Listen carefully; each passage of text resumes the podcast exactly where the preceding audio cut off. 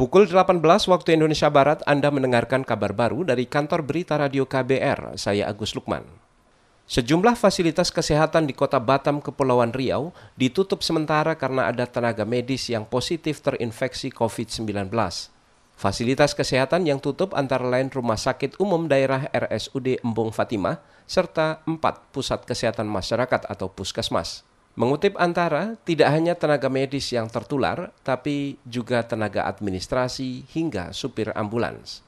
Juru bicara RSUD Embung Fatimah, Novita, mengatakan RSUD Embung Fatimah menutup layanan gawat darurat atau IGD dan poliklinik karena ingin melakukan pelacakan terhadap orang-orang yang sempat kontak dengan pegawai yang positif virus corona. Pelayanan IGD dan poliklinik akan kembali dibuka sampai hasilnya dinyatakan aman.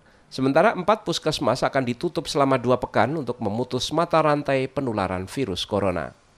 Kita ke Jawa Tengah.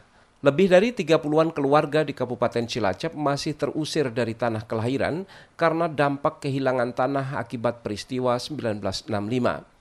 Ketua kelompok Cinta Tani Cikuya, Karsiman mengatakan para keluarga itu merupakan korban atau keturunan dari korban perampasan dan pengusiran tanah di Tanah Cikuya seluas 70-an hektar. Saat itu mereka diusir dari tanahnya lantaran dituduh terlibat ke organisasi PKI. Sejak saat itu mereka mengungsi dan kini mendirikan rumah di tanah milik tetangga atau saudara. 32 orang saya karena saya mau megang datanya itu kepada bantuan-bantuan itu kan dia tidak bisa mengajukan bantuan karena tidak punya SPPT maupun tidak bisa minjem SPPT orang-orang itu. Hmm. Jadi sampai saat ini Umaya masih kayak gubuk kayak ini. Ya awalnya dia uh, domisili di Cikuya karena Cikuya itu dirampas oleh perkebunan diusir paksa dan dan diintimidasi dan sebagainya.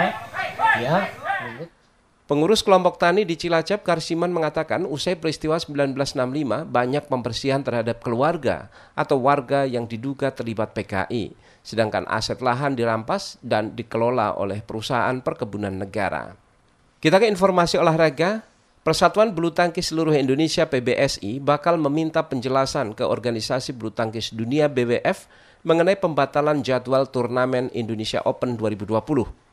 Sebelumnya BWF memberikan jadwal kepada PBSI untuk menggelar Indonesia Open pada Juni lalu, namun pandemi COVID-19 membuat agenda itu bergeser ke November.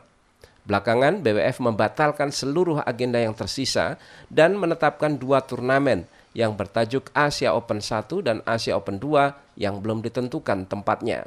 Di wilayah Asia, BWF menjadwalkan turnamen Asia Open 1 2020 yang lokasinya belum ditentukan pada pertengahan November mendatang. Dilanjutkan dengan Asia Open 2 pekan berikutnya di bulan November. Demikian kabar baru dari KBR, saya Agus Lukman.